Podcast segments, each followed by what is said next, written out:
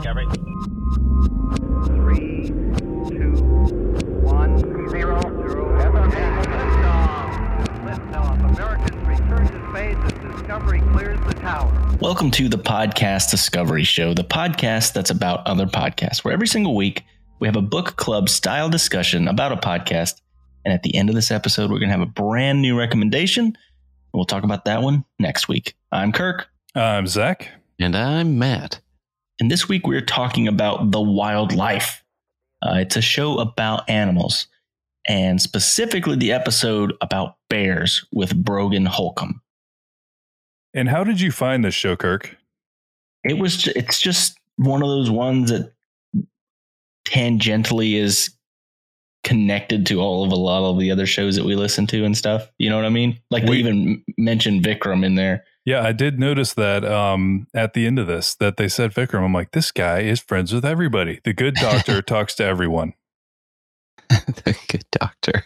But yeah, this episode specifically is all about burrs. And they get into all kinds of cool stuff. They actually have a guest star on this one. Brogan Holcombe, I think is the correct pronunciation of that name. And she is I actually looked looked her up and she is at Virginia Tech and she is very, very involved in publishing things and researching uh, I think that he even said it at the beginning of the episode, kind of how animals are thriving in their specific environments.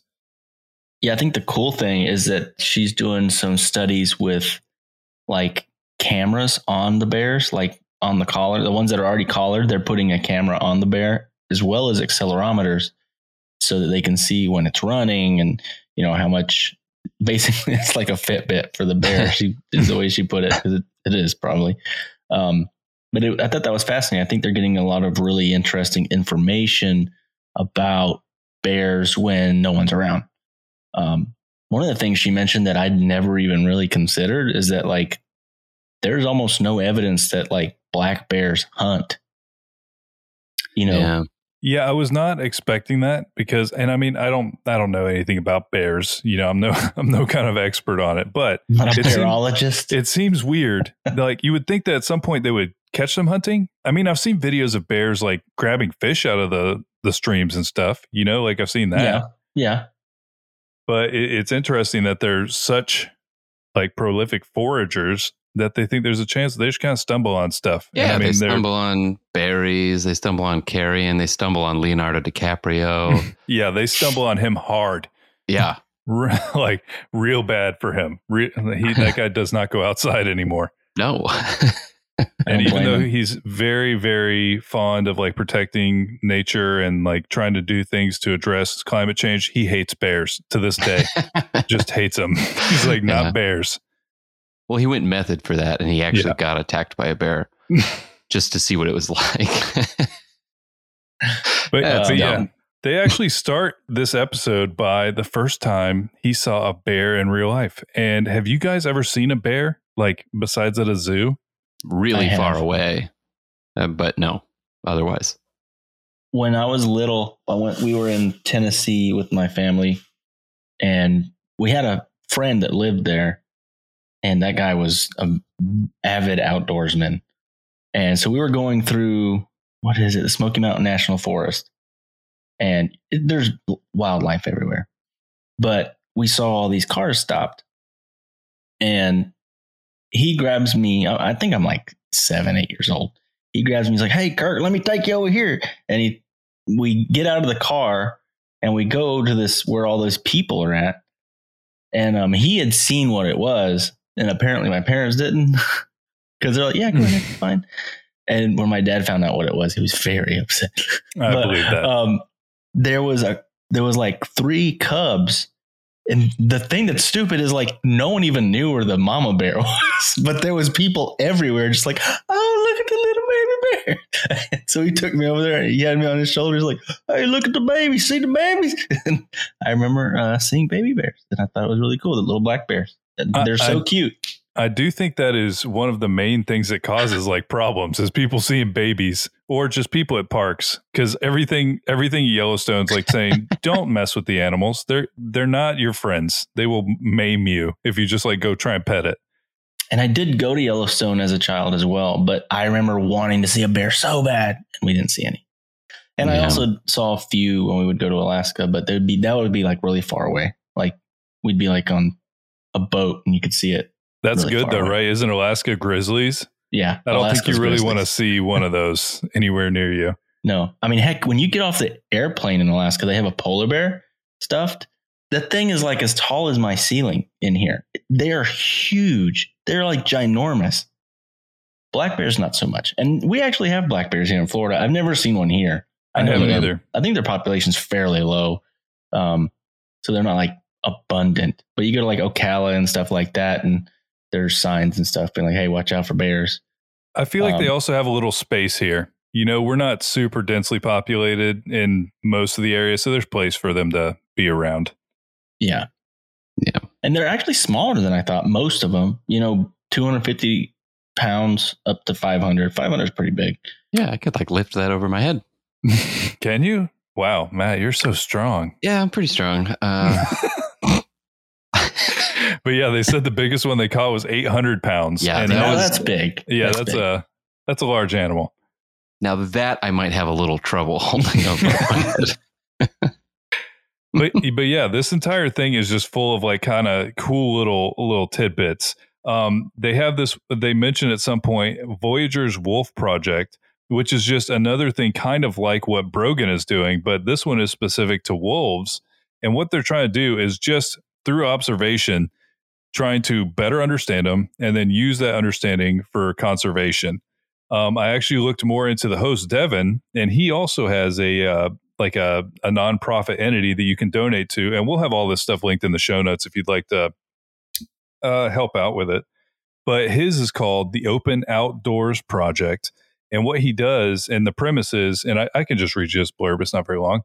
Uh, binoculars can be very expensive, but they're quite literal eye openers and opportunity builders for learning about, observing, and appreciating the natural world. Plus, they're often a required material in wildlife based college courses. Not having access or being able to afford them isn't the end of the world for wildlife enthusiasts and burgeoning scientists, but having a pair of binoculars certainly helps. And so, what they do is they take donations so that they can give, um, what would be the word? Uh, underprivileged or just people that don't have the money to buy a nice set of binoculars. He donates them. He donates binoculars to people under 18 so kids so that they can really get involved in science and get involved in nature in a way they might not be able to otherwise so that's kind of a, a cool program he has as well hmm. That's pretty cool. No, that's really cool. It's really cool. Wolves are interesting. They're one of those like cornerstone or whatever, the keystone. That's it. What is it? The keystone species Keystone, Yeah, yeah, keystone yeah, holding the species. whole Mhm. ecosystem But, together. like, yeah, they shape an ecosystem. Like that's what they they've dropped wolves in places that had overpopulation of animals, but then usually you have then you end up getting overpopulations of wolves. Uh, but it's it's fascinating. I thought it was interesting when she, when uh, Brogan brought up that wolves actually forage more than they thought originally. Mm-hmm. i did I was not like, know this Interesting. Yeah, and he, that's what he mentioned this project from is because I guess they had gotten that information from this Voyageurs project. Yeah. I actually, strangely, I wasn't even like, I didn't even put it together until just now. I saw on Reddit today that tigers will eat succulent berries and like grasses and things to help their digestion. Hmm. So all animals are out there just sometimes eat plants, hanging out. They're like me. Occasionally having a plant. but yeah, no, I always thought that bears were a really cool animal, and it's it's cool to hear them kind of go into some of the really interesting things about them physically, but then also how they research these. So, and they also mention a lot of how we can be better neighbors to wild animals because she kind of says it very directly. If you live in a rural area, you're in the woods, and that's where the Mhm. animals live. So, it's probably a good idea to understand generally the ways that you can interact with these animals in a good way. And they Yeah. also did have a very sad story related to that. And they, I just wish they wouldn't have named the bear. Honestly, I wish they wouldn't have told me the name of the bear and then crushed my hopes. At least Especially it was now that Petal. I watched the video of him, I, I like fell in love with him He watching is- him because he he's so is- cute. Oh, Yeah, he's adorable. Um, so I've got the story up, and we'll put it in the show notes as well as an NPR story um, about Pedals the bear. Hmm. So there was this bear in New Jersey that would walk, just walk around on his hind legs only because he had a uh, one of his paws was completely gone. It must have been from like a bear trap or something. I don't think they said what they think it was from, but it most likely was something like that. And the other one was injured as well, I believe. So he had learned to walk on just his hind legs. And in this uh, article, there's a very long video of him just walking around, and it does look uncanny to watch a bear walk It's around. it looks like looking. someone in a bear costume, uh, but it's a very clear video. It's not like a bad grainy video. Yeah, it's not a Sasquatch sighting. Don't worry. No. um, but in this article it says he was first filmed in 2014 and quickly accumulated a fan following. Whenever a few months passed without a sighting, his triumphant return to the public eye would make local headlines. Several of the videos went viral, making Pedals not only a local celebrity, but a national one. Um, and it's funny because the video that they have in here was uh, they had found him strolling around a golf course in Oak Ridge, New Jersey. um, so there's this great footage of him just walking around. He just kind of looks like, doop-a-doop-doo. Yep. um, but unfortunately, um, a hunter ended up killing him, and now there's no more pedals the bear, which is sad. Yeah, and I Um, don't know the specific situation around like if it was legal to hunt bears there at the time. It just it sucks that Pedals was the one who got it because he was a special guy. Yeah, and I don't know if it's true or not. I mean, they did. It was a legal hunt, but supposedly, according to this article, says the posting reportedly said the hunter who took him down with an arrow, quote unquote, wanted him dead for nearly three years and bragged What? about the kill. That's what. What? That's what's stupid. That makes it don't like worse. that. He had a That vendetta so against worse. Pedals. He hunted him specifically. Yeah, it I'm guessing that way. Pedals ate all his something, stole out of his trash, or broke in his window and stole his cookies. I don't know.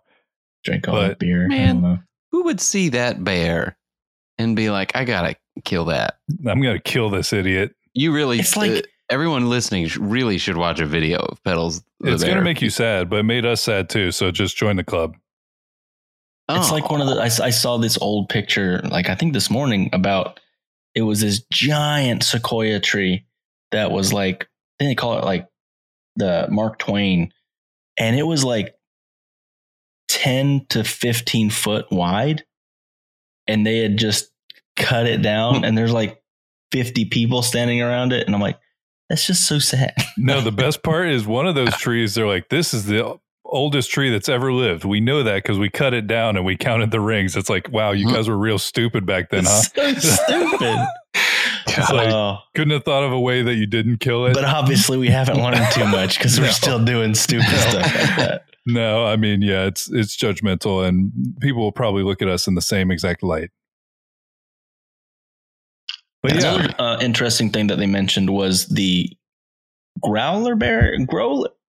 I feel like you got to say growler bear, right? Because it's a grizzly and a polar bear. yeah, Yeah. growler bear makes it sound like just a growly bear, like he just growls a lot. Growler bear makes more sense. Yeah, Yeah. but they're essentially, and it's na- it happened naturally, a a hybrid between the polar bear and the grizzlies. And they're saying that a lot of the reason that this is happening is because of climate change. And there was actually a lot of articles that talked about that as that being the reason, which is interesting.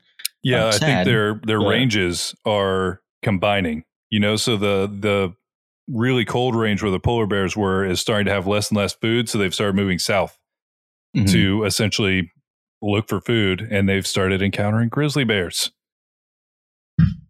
So I thought that was fascinating. And I saw some pictures of them too.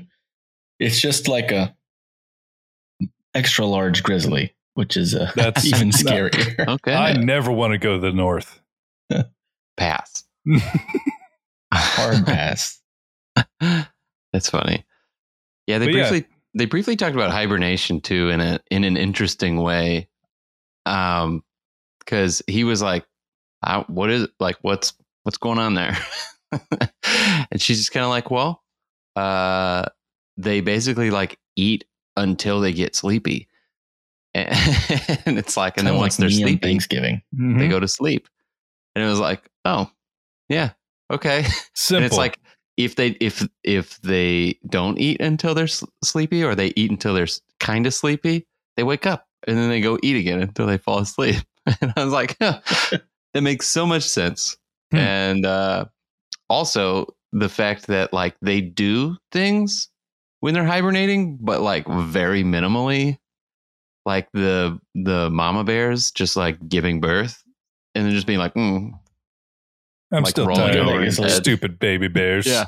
I was like, dang, dude, that's crazy.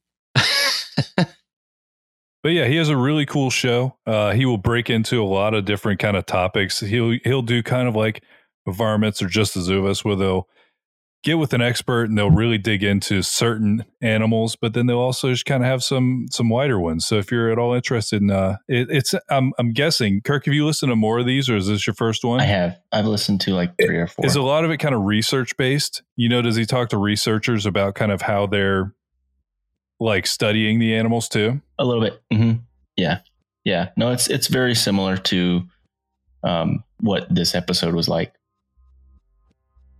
Cool. But Or yeah, he talks to somebody that is working in that field or works at a zoo or, um, you know, stuff like that. Yeah. Very informative.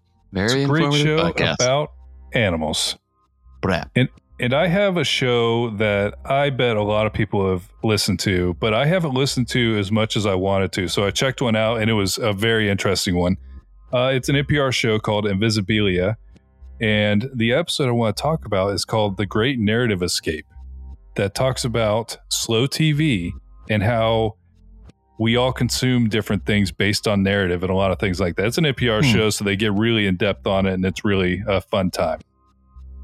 Hmm. Slow TV. I think that Paul Chomo told me about that. He might have. I do remember it becoming a thing. Everybody was watching videos of a train driving all the way across the country, that and it's like eight hours of just a train driving. I guess They- we'll learn more about it next. Uh, They next get into episode. that and a lot more, and we will get into that next week. I feel like that's the, that's the one kind of YouTube channel that I could make. Uh, Just, what? uh, just driving around. record a town. train? no, there, there's a guy who talks about that too. There's a guy who I, I won't spoil it. Okay, We'll talk about it yeah. next week. And remember, There's always more to discover. Matt, you want to do it too? There's always more to discover.